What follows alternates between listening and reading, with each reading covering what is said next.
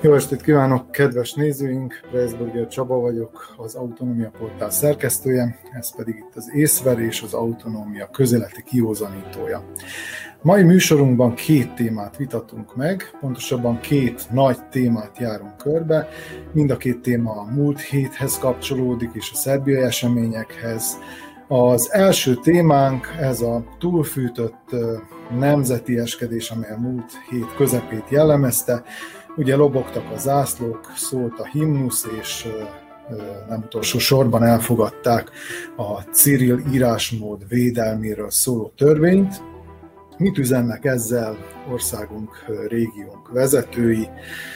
Ez lesz az egyik témánk, a másik témánk pedig a hétvégén megtartott Pride, azaz a büszkeség napi fölvonulás, amelyet abban a kontextusban fogunk elsősorban tárgyalni, hogy 20 évvel ezelőtt még egy eh, borzalmas, véres eseményt láthattunk, Pride címén, most pedig egy békés fölvonulást, és igazából különösebb ellentüntetés sem volt, vagy ha volt is valami, az meglehetősen vérszegény. Tehát erről a két témáról beszélgetünk vendégeimmel, akik itt vannak a virtuális stúdióban. Köszöntöm Beretka Katinka jogászt. Szervusz Katinka! Jó estét! Ördög Tibor politológust. Szervusz Tibor! Jó estét! És Sinkovics Norbert újságíró. Szervusz Norbert! Jó estét! Akkor vágjunk is bele. A szerb egység, szabadság és nemzeti lobogó napját második éve ünnepli, aki ünnepli. Míg azonban az ezt az új sütetű ünnepet tavaly szinte észrevétlenül sikerült megünnepelniük azoknak, akik ünnepelték. Az idén nagy habverés volt körülötte, központi ünnepség tűzijátékkal, nagy beszédek, szerb zászlók, szinte minden olyan házon, ahol dúlt keblű honfitársaink élnek. És hát az ünnep napjára időzítették azt a törvényt, amely a Cyril írásmód védelmét hivatott szolgálni. Ez így utóbbival kapcsolatban ugyan igyekeztek a kisebbségeket megnyugtatni, hogy az ő nyelvi jogaikat ez a törvény nem fogja érinteni. Több-kevesebb sikerrel sikerült talán ez a megnyugtatás, bár azokat, akik a latin betűs írásmódot használják, nyilván nehéz lesz megnyugtatni, így akár a magyar közösség tagjait is, de erről majd később beszélünk. Most maradjunk csak a Szerb Egység Szabadság és Nemzeti Lobogó napjánál, amelynek deklarált célja ugyebár a szerb nemzeti identitás ápolása. A régió országainak szimpátiáját sem igazán sikerült elnyerni ezzel az ünneppel, Egyesek a nagy Szerbiáról szőtt álmok felmelegítését látják benne, mások figyelemelterelő hadműveletről beszélnek, ahogy általában szoktak, amikor egy ilyen nagyobb volumenű gumicsontot látnak a, a, a, a látóhatáron, de természetesen sokan a védelmükbe is veszik ezt az ünnepet, mondván minden népnek, minden nemzetnek joga van az identitását őrző ünnepségekhez. Ti hogyan látjátok, Norbi, mit üzen ez a, az új sütetű ünnep, akár a kisebbségeknek, akár a régiónak? Hát azt nem tudom, hogy mit üzen a kisebbségeknek, meg a régiónak, de nekünk, um, szerbiai polgároknak elég sok mindent, ha engem kérdezel, és talán ebből, ebből indulnék ki. A legfontosabb az, hogy jól megmutatta, hogy két uh, dologban igencsak be kellene fektetni. Az egyik az az oktatás kérdése, a, másik pedig a nemzeti szimbólumok használatának mikéntje. Ez a két dolog, amit, amit láttunk, hiszen nagyon sok helyen, ahol megjelentek a nemzeti szimbólumok, a szerb nemzeti szimbólumok, azok használata messze áll attól, ami, ami, ami őket, mint nemzeti szimbólumokat megilleti. Tehát láttuk azt, hogy fordítva rakták ki az ászlót sok helyen, például a lobogók esetében, amikor a címeres lobogót tűzték ki, rossz oldalon állt a címer, azután egész egyszerűen a, olyan helyeken jelentek meg a pékségek ablakába um, grill, uh, grillező helyek um, kéménye uh, mellett uh, lógott a földre, lógott a sárba. Tehát ezek mind, mind olyan, olyan helyzetek sajnos, ahol, ahol gyakorlatilag, erről szerintem Katinka többet tud majd mondani, törvényt, törvényt sértettek. Tehát ezekkel a dolgokkal egész egyszerűen ilyen szinten nagyon, nagyon rossz és nem éppen helyesen játszani. Ez az egyik dolog. A másik dolog, amit, amit kiemelnék, amit az oktatás és a kultúra terén látunk, tehát az, hogy mi áll a mögött, hogy valaki úgy érzi, hogy a kultúrája veszélyben van, és hogy ezt így módon kell erősíteni. Azt gondolom, hogy ennek is elsősorban kulturális háttere van, illetve oktatás, az oktatásba kellene befektetni, mert ugye ebből, ebből tudnánk tanulni mindannyian, hogy valóban egyáltalán a cirilbetűs írásmód veszélyben van-e, Um, vajon a szerb nyelv azért van veszélyben, mert nincs törvény, vagy azért, mert a gyerekek többsége, vagy a fiatalok többsége külföldre vándorol, vajon azért van a szerb kultúra veszélyben, mert egyre kevesebb, kevesebben van a szerb közösség, mint Szerbiában, mint. Uh, ezt milyen és egy, egy, egy ilyen fölhívásnak, hogy tűzzék ki a zászlót a környező országokon, vagy bárhol, ahol külföldön élnek, ismervén a, a balkáni kontextust, milyen következményei lehetnek uh, abban a közösségben, ahol erre szállják fejüket, legyen az uh, Horvátország, vagy, vagy Koszovó, vagy, vagy akármely uh, más, más terület. Én azt gondolom, hogy ennek hosszú távon, igazából őszinte leszek engem, kicsit meglepett ez a, ez a politikai háttere a történetnek, illetve ez a politikai üzenet, amelyel, amelyel a szerb haladópárt megjelent az elmúlt napokban, ugye szeptember 1 kezdtük, és nagyon gyorsan eljutottunk odáig, hogy minden irányba a lobogókat, meg szerb, szerb, a szerb állam szimbólumát láttuk.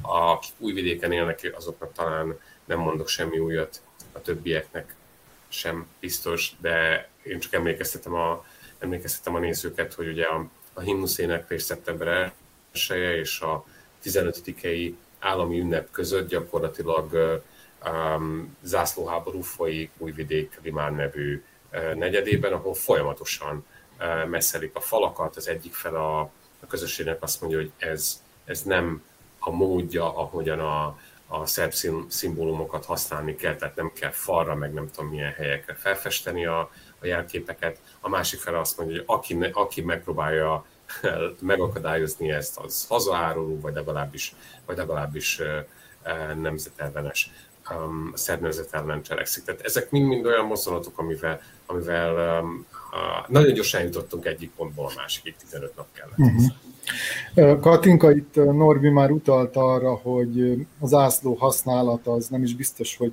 minden esetben jogszerűen történt. Egy dolog az, hogy talán tényleg méltatlan az, hogy, hogy, hogy sárba lógatják, vagy nem tudom én, egy, egy grillezőre kirakják. Viszont egyáltalán hogy működik ez? Tehát jogilag szabad egy magánházra például az állam lobogóját kitűzni, vagy mondjuk akár külföldön kitűzni egy másik államnak a lobogóját, vagy ugye nem teljesen ugyanaz, amikor egy címeres szerb zászlóról beszélünk, és egy címer nélküliről, hiszen az utóbbi az nem a szerb köztársaság hivatalos zászlója. Tehát hogy van, hogy van ez jogilag? Akkor hát kezdem a, a két zászlón fajtának a megkülönböztetésénél. Tehát a, ugye létezik a, a nemzeti zászló, és van a, az úgynevezett állami zászló, a lobogó valójában, amelynek a közepén van a címer. Különböző helyeken tűzik ki az egyiket, illetve a másikat, azonban a, maguk a szabályok, tehát a, a zászló tiszteletben tartásának, illetve használatának a szabályai, azok egyenlőek. Tehát, és most csak a szerb államon belüli használatáról beszélek. Mindkét esetben, tehát függetlenül, hogy a címeres vagy a nem címeres zászlót használják, az nem érintheti a földet, nem lehet törölköző, nem lehet függöny például, nem használhatják drapérián, nem lehet alátét, vagy esetleg terítő. Tehát mindezeket a funkciókat nem adhatják a zászlónak, legyen az címeres, vagy pedig címer nélküli. Nem lehet azzal eltakarni például egy, egy járművet, tehát mondjuk esküvőkön szoktuk látni, hogy a zászlóval letakarnak egy egész autó karosszériát, tehát mondjuk az sem éppen a, a megengedett kategória. Tehát lényegében ezt a törvény úgy határozza meg, mint a, a méltatlan zászlóhasználat, független, hogy címeres vagy sem, és ez minden esetben szabálysértésnek minősül és büntetendő pénzbírsággal, legyen szó magánszeméről, vagy pedig jogi személy felelős személyéről. És ugye most továbbra is a szerb belüli használatról beszélek, ugyanis ez egy tételes jogi kérdés, tehát nem nemzetközi egyezmények szabályozzák egy állam zászló használatát. Most természetesen eltekintünk a, azoktól a, a, az esetektől, hogy például most van egy sportesemény, és akkor milyen a zászló használat, vagy, vagy mondjuk a nemzetközi vizeken a különböző felségjelzéseknek a megjelölésére és a zászlónak ugye van egy funkciója. Tehát azt, hogy egy másik állam zászlaját miként használhatjuk, ugye az az pozitív jogi, tehát tételes jogi kérdés, tehát most, hogy én a szerb zászlót Magyarországon milyen körülmények között használhatom, azt Magyarország szabályozza, és voltak éppen ahány ország annyiféle szabály is vonatkozik erre, akár a feltett kérdésre, hogy magánszemély kitűzheti-e a saját házára egy másik állam zászlaját, vagy akár a saját országának az ászlaját, ugye ezt az adott ország kell, hogy szabályozza. És Szerbiában ez lehetséges, tehát nincs semmi Igen. jogi akadály annak, hogy magánszemély a saját házán kitűzze a, akár az ország zászlaját, amelyen címer található, akár azt a szerb trikolort, amely csak három színből áll. Tehát ennek nincs. semmi akadálya nincs. Semmi akadálya nincs. Annak ami... sincs, hogy akár vajdaság, vagy a vajdasági magyar kisebbség szimbólumát kitűzze? Nincsen tehát ez sincs szabályozva. Itt esetleg felmerülhet annak a kérdése, hogy köteles-e mellé kitűzni a szerb zászlót is, ugyanis nem egyértelmű a zászló használatról, tehát a nemzeti szimbólumokról szóló törvény, akkor így mondom, hiszen amikor ezt a kérdést szabályoz, akkor nem tér ki valamennyi élethelyzetre, de ugye azt kimondja, hogy ha a, a nemzeti zászlót használjuk, és az állam zászlaját használjuk, más államok zászlajával, vagy akár országon belüli zászlókkal lehet az önkormányzati is, tehát nem, nem csak a vajdasági magyar zászló, akkor ugye mindig megvan, hogy milyen sorrendben, milyen módon kell ezeket feltüntetni. Na most ez egy érdekes kérdés a magánházak esetében. Figyelemmel arra, hogy a magán terület, illetve a magántelek az, az azért egy alkotmányos védelmet élvez. Nem tudok róla, hogy bárkit valaha emiatt megbüntettek volna. És, és azért mondjuk itt ráutalnék még arra, hogy, hogy azért magánházakon a, zászló használat azért egy nagyon régi kategória, tehát végigmegyünk itt Palicson, látható, hogy ha kész egy tető, akkor ott lobog a, a szerb zászló a tetején, és még most is ott lobog, pedig már sérült, és ez ugye büntetendő, szóval nem feltétlenül ez ennek az ünnepnek a, a következménye, csak valószínűleg most ez felerősödött, és ebből kifolyólag felerősödtek a, a jogellenes, törvényellenes zászlóhasználók is. Uh-huh. Tibor, te a regionális kontextusban is látod azt, hogy mit jelent ez a nagy nemzeti felbuzdulás, amit a múlt héten láttunk. Ugye Horvátország, Koszovó elsősorban ezekből a, hát most nem mondhatok ugye országot, de ország, illetve entitás vagy területről érkeztek kritikák, hogy nagy Szerbiát építenek, hogy, hogy megpróbálják ezt a sokszor hangoztatott szerb világot ilyen módon is létrehozni, vagy, vagy alátámogatni. Te hogyan látod, mennyire valószínű az, hogy Vucic, illetve a Vucic rendszer ebben a helyzetben, amikor igazából én legalábbis úgy látom, hogy politikailag erre nem szorul rá, képes volna ilyen dolgokkal destabilizálni, vagy veszélybe sodorni egyáltalán a térség stabilitását. Én nem gondolom, hogy ezzel veszélybe sodornák. Nekik azért van szükségük arra, hogy most egy ilyen irányba elmozduljonak, mert, mert hogy az ő jobb oldaluknak vannak azok az elemei, akik megerősítésre szorulnak jelenleg a szavazóbázison belül is, és ez egy olyan terület volt, ami eddig nem nagyon volt meghódítva, vagy nem ebben a formában történik, és ez a, hát hívjuk úgy, hogy szerv összetartozás napja, Ebben a megoldásban lehet egy kicsit a, a nacionalizmusra hajazni, nem feltétlenül a, a szélsőséges nacionalizmusra, mint ami fellángolt az említett országokban is, mondjuk, hogy a háborús félelmek azok újraélettek, és ne Isten újra elindulna egy ilyen irányba Szerbia, hanem egy megerősítő, identitás megerősítő kampány részeseként történik meg ennek akár a megrendezése, de akár, ha megfigyeljük, a, a különböző rendezvényeknek a tartása is. Tehát egyre inkább kezdünk ilyen, ilyen szerb nemzeti, kulturális elemek visszahívása, megjelenítésére. Stefán nem anya szoboravatás volt ugye nem olyan régen, a vallás nagyon fontos kérdése, itt Montenegróban egy örök vita kérdést is jelent.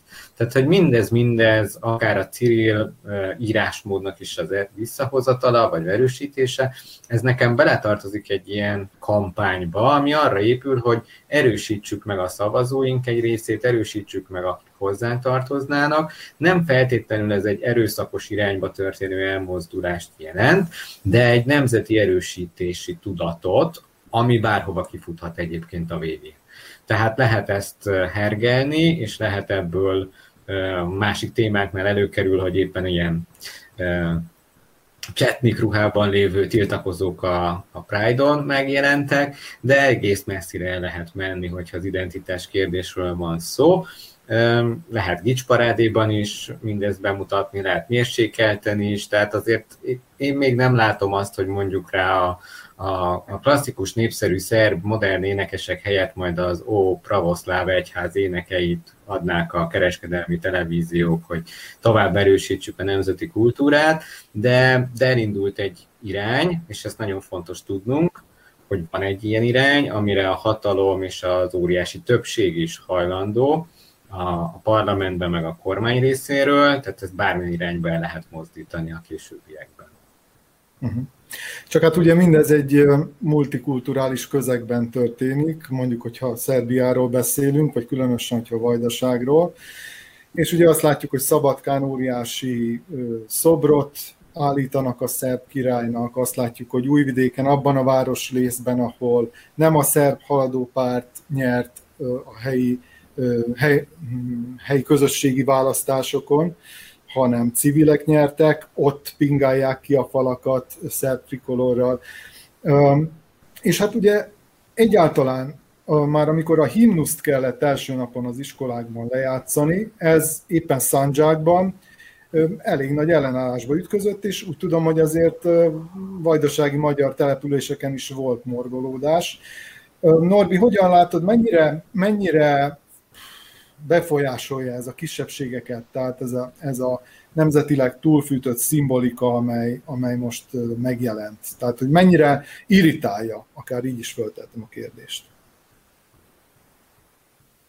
Erre nagyon nehéz konkrét választani. Ez ugye attól függ, hogy milyen közösség, vagy mely közösségről beszélünk ebben a pillanatban, mely közösséghez állnak közelebb, mint nyelvileg, mint pedig kulturális szempontból ezek a, ezek a mozdulatok, amelyeket, amelyeket az elmúlt napokban láttunk.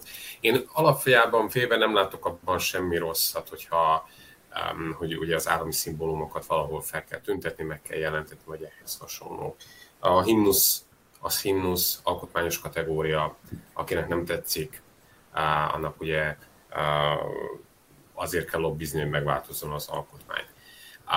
Ami viszont számomra sokkal fontosabb, és azt gondolom, hogy ez, ez lehet valahol a lényeg ennek a történetnek az az, hogy itt fontosan arról beszélünk, hogy a, a szerb állam tisztelete a, a kulcsfontosságú a közösség megmaradásában, és hogy mindazok, akik felemelik a hanguk, hangjukat ezek a um, jelenségekkel szemben, és azt mondják, hogy na jó, de miért nem oldjuk meg előbb például az illemhelyiségeket az iskolákban, miért nem oldjuk meg előbb azt, hogy eh, igaz patriótaként ingyenes tankönyveket biztosítsunk a, a diákoknak, miért nem oldjuk azt hogy ingyenes legyen az utaztatás a gyerekeknek, vagy az uzsonna az iskolában, vagy ehhez hasonló, vagy legyen elég hely az óvodákban, a bölcsődékben, például Újvidéken, ahol egy hihetetlen nagy probléma, ezt mindannyian tudjuk. Um, hogy miért nem erre fekteti a, a, fektetik a hangsúlyt az illetékes minisztériumban és, és a kormány.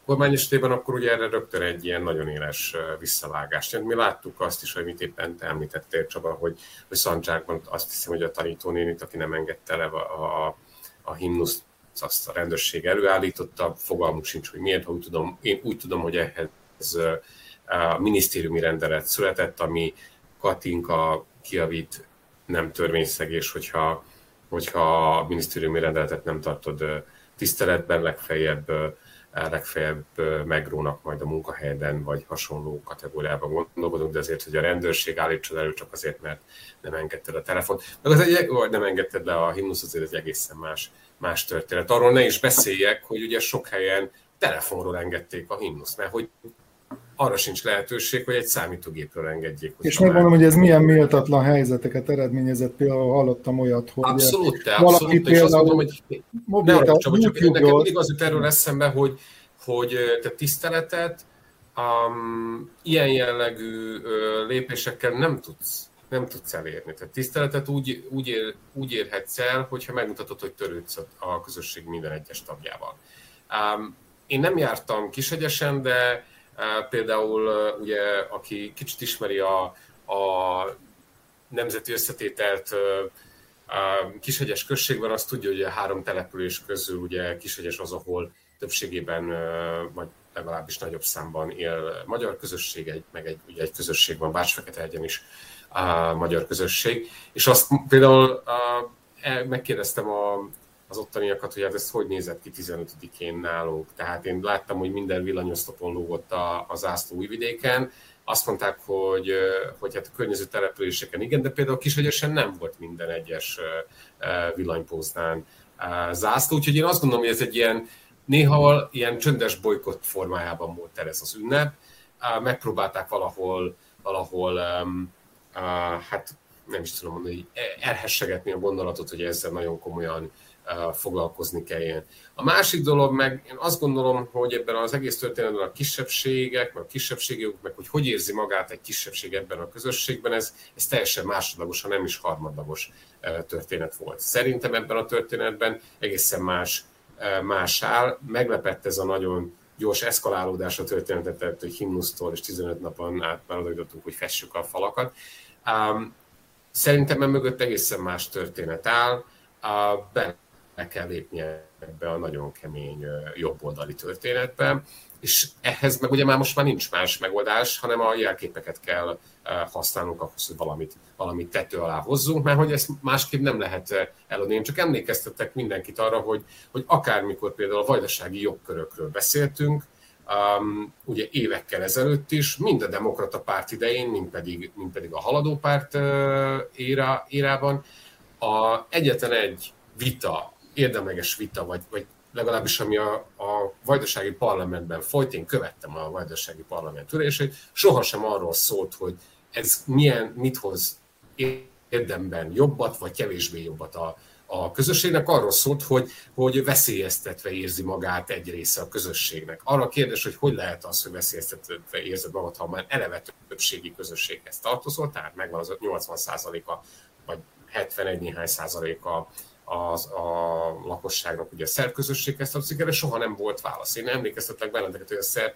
szerbiai demokrata párt ezzel kampányolt nagyon-nagyon sokáig a, a, a tartományban. Emlékeztetlek benneteket arra is, hogy, hogy ezek a különböző nyelvi rendőrségek felállítását kezdeményezte az akkori demokrata párt, csak azért, mert ugye a Nemzeti Tanács azt kérte, hogy tiszteletbe tartsák a kisebbségi nyelvhasználati jogokat, vajdaságot. Tehát ez mind ugyanaz a kategória. Csak most ez egy ilyen felturbózott mozzanat, és azt gondolom, hogy ebben a pillanatban nem a kisebbség a fő téma, ő harmadlagos, vagy harmadlagos ez a közösség, vagy a kisebbségi közösség. Szerintem az első téma az, hogy nagyon keményen bele kell állni a jövő évi választásokba, amire ugye van 6-tól 7 hónap, valamit el kell adni, látjuk, hogy Koszovó körül már megint fornak a, a dolgok, látjuk, hogy az Európai Uniós felzárkózás áll, nem is döcög, áll, örülünk, hogyha nem indul meg visszafelé a szekér, látjuk, hogy az összes strukturális probléma az oktatástól, a médián keresztül, a különböző gazdaság és egyéb más egészségügyen át mindenhol probléma van, tehát valami bele kell állni a következő 6-tól 7 hónapban, és azt gondolom, hogy ez, ez most ez a, ez a bemelegítő kör. Uh-huh. És hát ehhez még ugye hozzájárult a múlt héten épp ezen a jeles napon elfogadott uh, Cyril írásmód védelméről szóló törvény is, amely többek között adókedvezményt ad azon cégeknek, amelyek hát a Cyril írásmódot használják a, a, a ügyvezetésben. Mm, nem tudom, hogy ez mennyire pontosan van megfogalmazva, és mennyire változtatott ezen a, a VMS-nek a három módosítási indítványa. Katinka valószínűleg jobban látott, hogy ezekkel a módosításokkal együtt még mindig kimondható esetleg az, hogy ez, a, ez az új törvény, ez a nemzeti kisebbségekkel szemben diszkriminatív. Um, nem gondolom, hogy kimondható. Um, ami a, tehát a módosítási indítványokat azt egy második körben mondanám, már csak azt, hogy a, a lényeget összefoglaljam. Tehát ezt a meccset 2006-ban már lejátszottuk. Tehát 1990-ben a Milosevicsi alkotmányban még benne volt a, a latin, tehát a szerb nyelv plusz latin írásmód kombinációja, mint, mint potenciálisan hivatalos kombináció.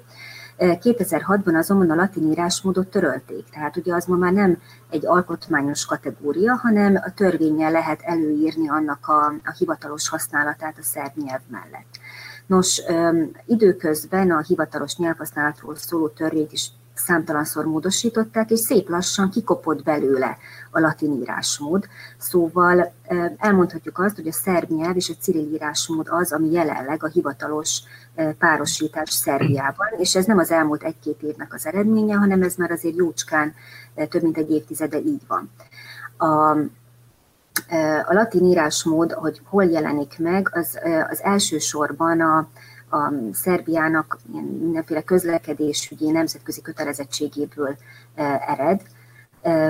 Bizonyos rangú utakon ugye nem lehet csak szerb ciril írásmóddal, hanem hanem latin írásmóddal kell az útjelzőket megjelentetni, de, de körülbelül ennyi. A tény, hogy bizonyos önkormányzatok a statútumokban továbbra is a latin írásmódot hivatalosnak használták el, nem mondom, hogy egy törvényellenes kategória, de törvényen kívülálló kategória, hiszen a nyelvhasználati törvényünk az elsősorban a nemzetiségi nyelveknek a, a hivatalos használatát szabályozza, nem pedig a latin írásmódét, ami ugye a, a, a fő hivatalos nyelv, a, a szerb nyelvnek egy, egy második írásmódja.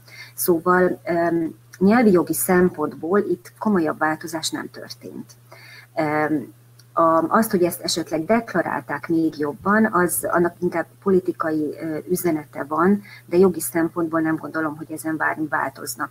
Az már, amit Csaba említettél, a cégekre vonatkozó vagy a különböző médiumokra vonatkozó adókedvezmény, ez ugye egy, egy potenciális lehetőség, amit megajánlott a törvényhozó, hogy a különböző adótörvényekben ezt lehet szabályozni, de hát ugye még nem szabályozták, tehát ez egy jövőbeli lehetőség. És akkor ugye itt rácsatlakoznék a VMS 3 indítványára, ugye egyebek mellett éppen itt indítványozták azt, egyébként helyesen, mivel ez törvényileg eddig nem volt szabályozva, hogy hogy azért ez ne csak azokat a cégeket érintse, amelyek a cirilírásmódot preferálják, hanem ugyanúgy a, a hivatalos használatban lévő nemzetiségi nyelveket is.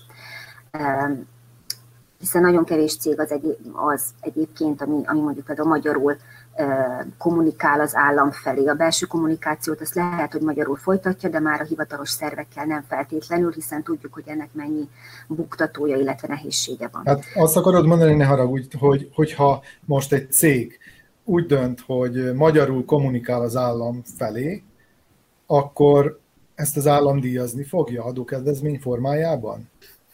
Nem, ezt azt mondom, hogy a módosítvány mentén elő van irányozva, hogy amennyiben a cirilírásmódot díjazná bármilyen adókedvezménnyel, akkor azzal egyenrangú, egyenrangúan kell díjazni a többi hivatalos használatban lévő nemzetiségi nyelvű kommunikációt is. Tehát ez azt jelenti, hogy, hogy nem lehet, tehát, na és akkor ebből a szempontból nem diszkriminatív, amit így, így, így mondtál.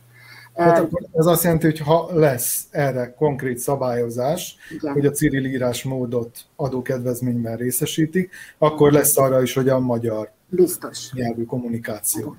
Igen, uh-huh. igen, ez, ez biztos így lesz, azért, mert máskülönben már diszkriminatív lenne, eh, ahogy mondod is, eh, és valószínűleg az alkotmánybíróságon sem menne át egy olyan adótörvény, ami csak és kizárólag a Cyril írásmódot díjazná, ha használjuk ezt a kifejezést. Azt azért szeretném hangsúlyozni, nagyon sok fals információ jelent meg a médiában, hogy ezt a törvényt még nem fogják alkalmazni jó darabig.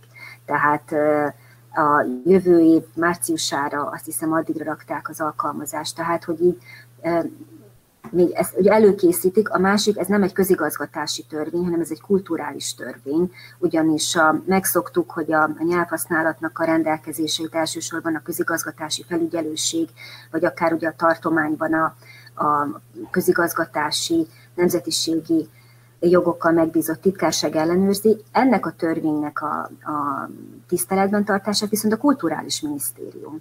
Tehát ez is csak egy, tehát ez egy érdekes üzenete egyébként magának a törvénynek, hogy inkább kulturális jellegű, és amiről mi itt beszélünk valójában, tehát hogy a, a, a nemzeti identitást védő törvényről beszélünk, és nem egy közigazgatási jellegű törvényről, tehát tényleg nem gondolom, hogy itt a nemzetiségeknek a betámadása volt a, volt a cél, pont ebből kifolyólag, hogy nem, nem másik minisztérium alá rendelték, hanem éppen a kulturális uh-huh. minisztérium alá. És még csak egy pillanat erejéig időzzünk el a logóknál, tehát a, a cég szimbólumainál, vagy a rendezvények szimbólumainál, ugyanis azokat is, amelyeket az állam támogat, rendezvényeket, ott is a hivatalos szimbólumnak Cyril betűsnek kellene lenni. Ha jól értem, akkor törvény szerint ez már így kimondatott, tehát itt, itt nem kell várni egy következő törvényre, amely ezt pontosítja, hanem ez így van. Tehát ez akkor a kisebbségi nyelvű rendezvényekre is vonatkozik? Vonatkozik, de, de ugye itt is a módosítási indítvány, de ugye három volt, és ez, a, ez az egyik a, a sorból, hogy amikor az ilyen logókról van szó, ott is a, a, a hivatalos használatban lévő nyelveket tiszteletben kell tartani a kisebbségek hivatalos nyelvhasználati jogait. Tehát ugye ez azt jelenti, hogy ha van egy felirat bármilyen, és több nyelv van egyszerre hivatalos használatban, akkor a törvény értelmében mindegyik nyelven jelen kell, hogy legyen az a szöveg. Tehát gondolok itt mondjuk egy, egy utcanév táblára, ha öt nyelv van hivatalos használatban, akkor öt nyelven kellene kiírni. Azt, hogy ez nagyon ritkán valósul meg, az nem azt jelenti, hogy, hogy ez törvényes. De egyszerűen nagyon kevés ilyen, ilyen példát látunk, tehát minden bizonyal a logóknál is, meg a különböző feliratoknál is hasonló lesz, hogy kicsi a valószínűsége, hogy mind a nem tudom én, négy hivatalos használatban lévő nyelven a szerbel együtt ki fognak írni egy, egy szöveget, de minden bizonyal nem fogják büntetni, ha csak például magyarul lesz. Uh-huh. Jó, hát meglátjuk. A gyakorlat az mindig önmagáért beszél Szerbiában. Térjünk rá a másik témánkra. 20 évvel ezelőtt bejárták a világsajtot azok a képkockák, amelyeken szélsőséges huligánok Belgrád utcáin véresre vertek fiatalokat csak azért, mert bátorkodtak felvonulni kisebbségi jogaikat követelve, és mindeközben a rendőrség tétlenül szemlélte az eseményeket. A későbbiekben volt még néhány kisebb-nagyobb sikerrel megrendezett büszkeségnapi felvonulás, ugyanis 20 évvel ezelőtti események is ehhez kötődnek. De igazából az utóbbi években stabilizálódott úgymond ez a Pride, amely most már minden évben, a tavalyi évet leszámítva, ugye a koronavírus miatt elmaradt, minden évben megrendezése kerül Belgrádban, és a rendőrségnek is sikerül ellenőrzése alatt tartani a helyzetet. És mint hogyha ezekből az LGBT aktivistákra támadó elemekből is kevesebb volna, bár az idén is volt egy párhuzamos rendezvény, mondjuk így, vagy akár ellentüntetésnek is felfogható esemény, az antiglobalisták és az oltás elleneseknek az összefogásából létrejött valami. De elég vérszegény volt, és, és igazából a két csoport nem találkozott egymással, tehát ez nem okozott konfliktust. És a helyzet most már ott tart Szerbiában, persze nyilván nem Szerbia és nem a, az államvezetés szervezi ezeket a pride de mégiscsak Belgrádban jönnek létre. Tehát a helyzet ott tart, hogy jövőre Belgrád lesz, vagy Belgrád lehet az úgynevezett Euro Pride-nak, tehát ennek, a, ennek az eseménynek az európai úgymond fővárosa, vagy köz, központja ennek a rendezvénynek.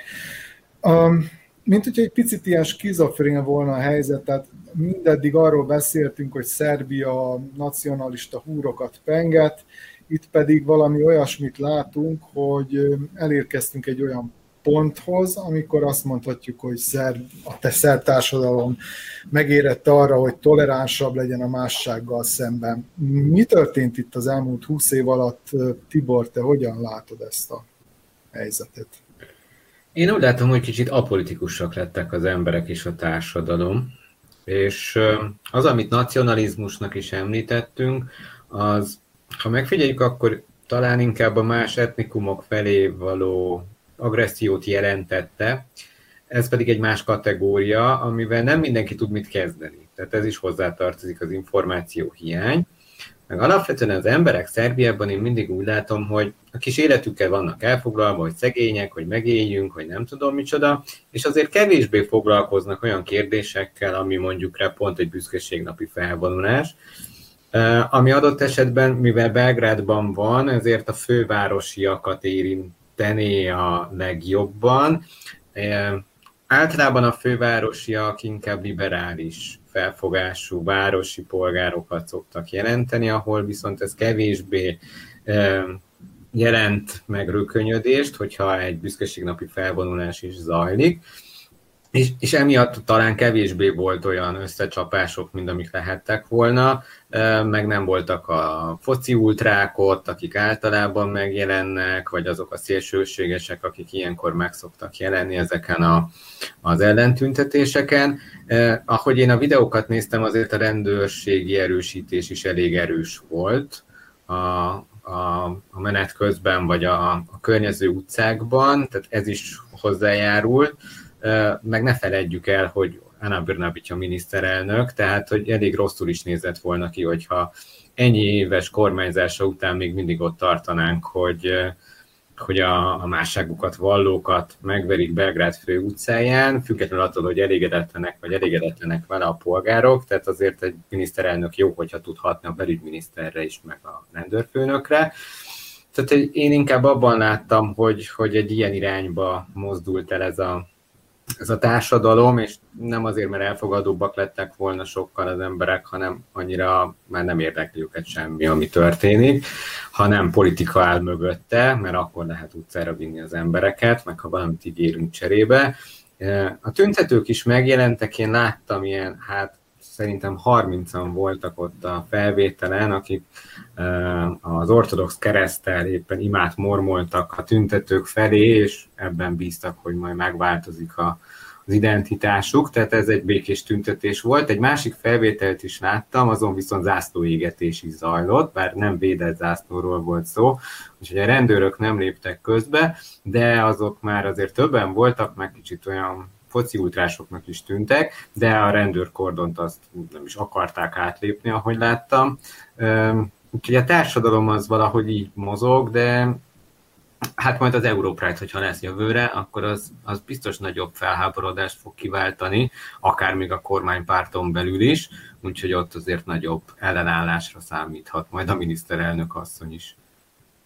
Bár ő az idén nem vett részt a felvonulásban. Azt itt hát mondjuk. nem, mert már tavaly is kicsit összevesztek, hogy többet vártak tőle, hogy tegyen, de nem sikerült a jogokat előmozdítani. Hát bízunk benne, hogy majd lassan, de biztosan sikerül.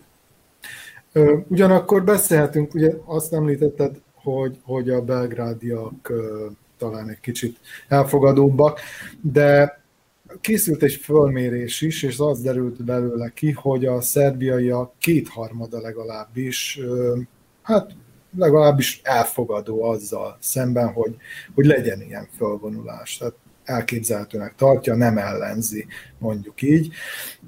Azt gondolom azért 20 évvel ezelőtt, ha egy ilyen kérdést föltettek volna, akkor nem ez lett volna az eredmény, bár nem emlékszem ilyen közelmi kutatásokra.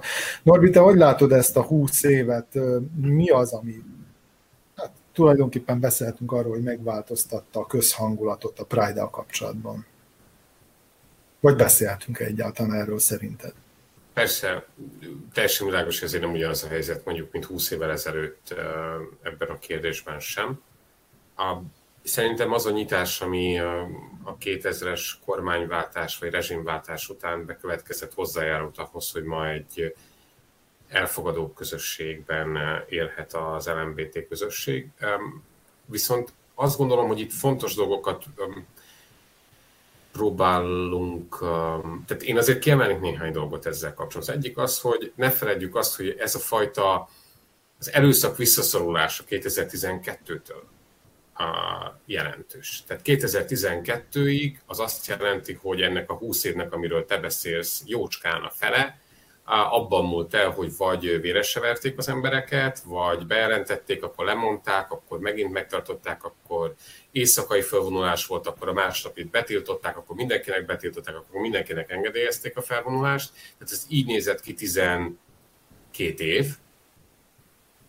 Úgyhogy én nem hiszek azért abban, hogy, hogy varázsütéssel 2012-ben a helyzet meg, megváltozott. A, ha csak nem nevezhetjük a, a párt vagy a kormányváltást, a 2012-es kormányváltást varázspálcának. Hát most ez van, akinek jót hozott, van, akinek nem hozott jót.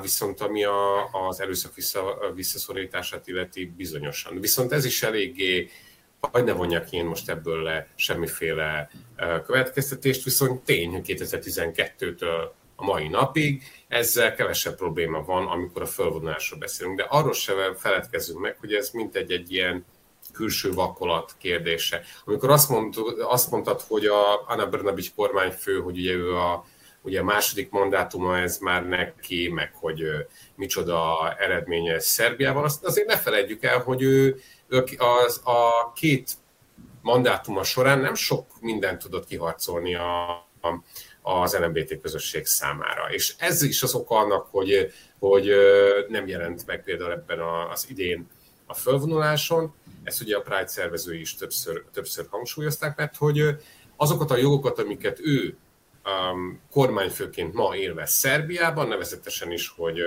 hogy az élettársával gyermeket nevelnek közösen is, hogy nyíltan azt mondhatja, hogy ez közös gyermeket, és hogy, hogy egy családban élnek, tehát az úgynevezett szivárvány család uh, mozzanatát hozta be a szerb köztudatba. Ez itt le is állt. Tehát erre a három emberre korlátozódott rá, a szobatársára, mert hogy törvényileg ugye ezt másképp nem tudjuk nevezni, meg a szobatársa gyermekére.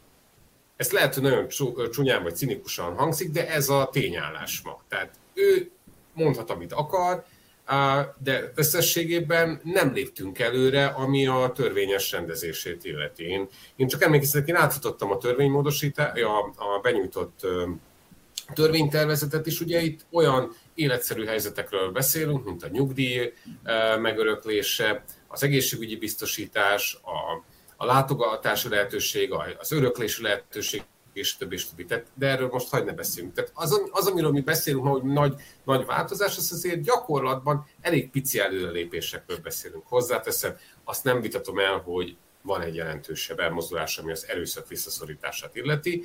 Um, arról ne is beszéljünk, hogy például 2019-ben ugye Újvidéken is megtartották az első a vidéki, a, hát az nem volt fölvonulás, mondjuk egy ilyen zárt rendezvény a Újvidék központjában, tehát megtartottak egy ilyen rendezvényt, mint Magyarországon, ha jól tudom, az idén volt először um, vidéki Pride és az Pécset. Tehát, hogyha ezt nézzük, de ez kérdés, hogy ezt ugye az LMBT közösségnek kell megválaszolnia, hogy nekik jobb ebben a ebben az országban, mint mondjuk tíz évvel ezelőtt, amikor ezek az alapvető jogokkal még mindig, még mindig gondok vannak. És hát itt ugye a törvény, amelyre utaltál is, amely egyelőre, ha jól tudom, csak törvénytervezet formájában létezik, rendezni ezeket a kérdéseket, amelyek állandóan rajta vannak az agendájukon, tehát ezt követelik, minden egyes Pride-on elhangzik, hogy az, azonok, az azonos neműek életközösségéről szóló törvény meghozatala hát tulajdonképpen kruciális jellegű volna. Katinka, ez a törvény alapvetően azért nem született meg, mert a maga az államfő bejelentette, hogy nem fogja aláírni, mert szerinte alkotmány ellenes volna. Ugyanis szerinte az alkotmányban pontosan le van írva az, hogy, hogy mi a család, és hogy itt, itt is valamiféle családokról beszélnénk, és hogy emiatt alkotmány ellenes. Ez ugye elég magas labda, mert itt nem család, de ezt majd te elmondod, hogy tulajdonképpen tényleg alkotmány ellenese, vagy van-e olyan formája, lehetséges olyan formája ennek a törvénynek, amely alkotmány ellenes.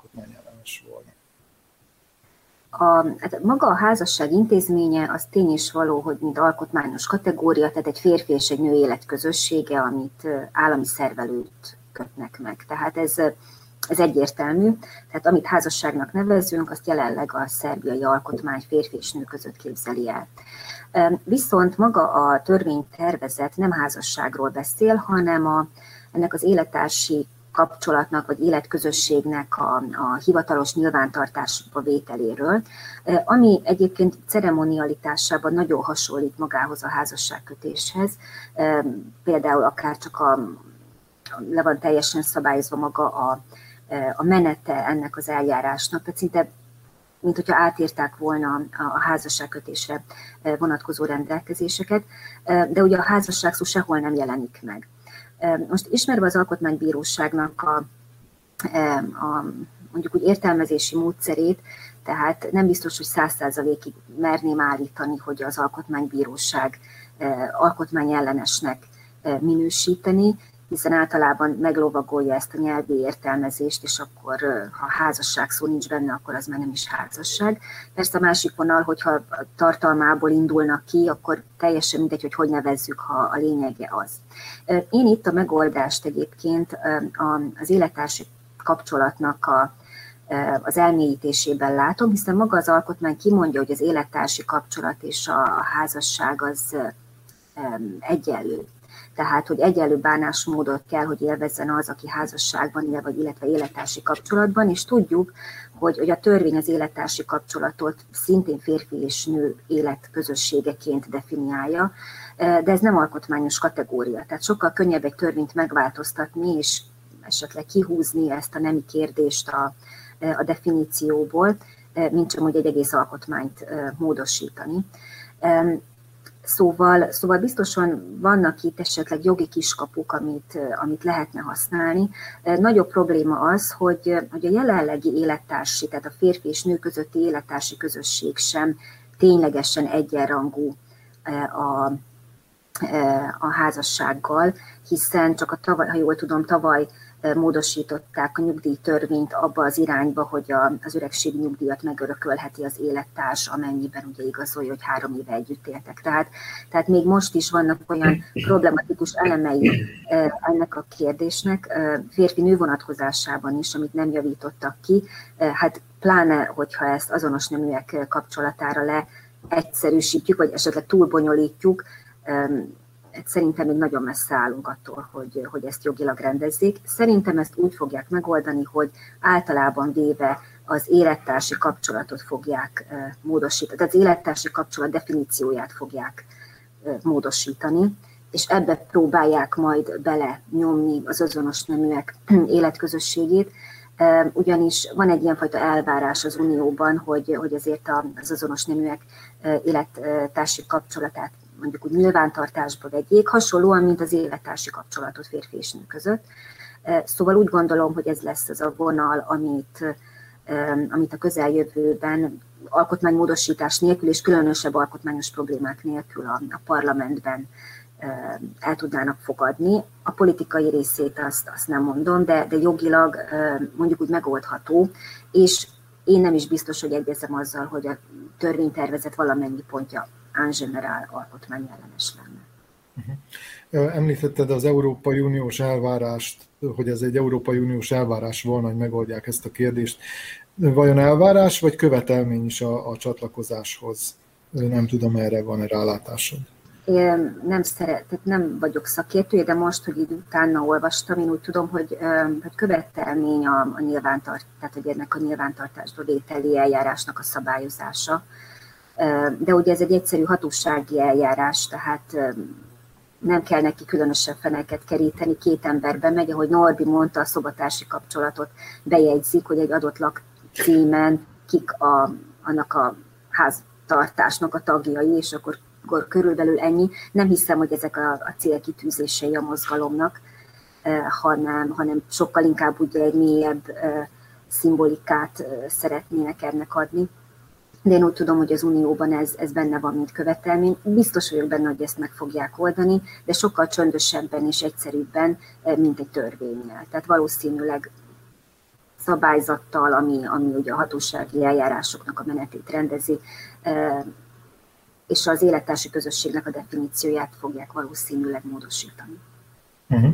Bár Gordon a Csomics eh, a szakminiszter azt mondta, hogy igazából csak időkérdése, hogy ezt a törvényt elfogadják. Te hogy látod, Tibor, tényleg időkérdése, illetve rövid időn belül várható ennek a szabályozásnak a megoldása, vagy hát ez is el fog húzódni évekig, mint ebben az országban oly sok minden. Igen, sajnos szerintem a második opció az, ami győz. Eddig is sikerült elhúzni már jó régóta, és olyan nagy akarat nincs benne, hogy ez előre is haladjon, tehát én nem látom, hogy a miniszter azt, hogy nagyon verni az asztalt, hogy már pedig, ha kész van, akkor tárgyaljunk és szavazzuk meg, úgyhogy én, én nem látom, hogy erre lenne realitás. Pontosan azért, mert hogy itt most a nacionalizmus, meg jobboldali értékek, meg már hangzottak el ilyenek, hogy kicsit nehezen összeegyeztethető. Csak kapcsolódnék az Európai Uniós irányra, hogy egyébként az Európai Unióban ez már egy-két éve napi renden lévő kérdés a, a kisebbségek, szexuális kisebbségeknek a helyzete, és tavaly ilyenkor már Ursula von der Leyen az Unió helyzetét értékelő beszédében elmondta, hogy a, a következő irány az a, az a szexuális kisebbségeknek a többséggel való jogaiknak a harmonizálását fogja jelenteni, és ha, ha valaki követte a, a magyarországi EU-s viszonyoknak az alakulását, akkor most az Európai Parlament egy hete talán egy állásfoglalást is elfogadott azzal kapcsolatban, hogy ha valahol elismerték házas félként a két felet, akkor azt jó lenne, ha az Európai Unió mindegyik tagállama is ugyanannak a kategóriának fogadná el.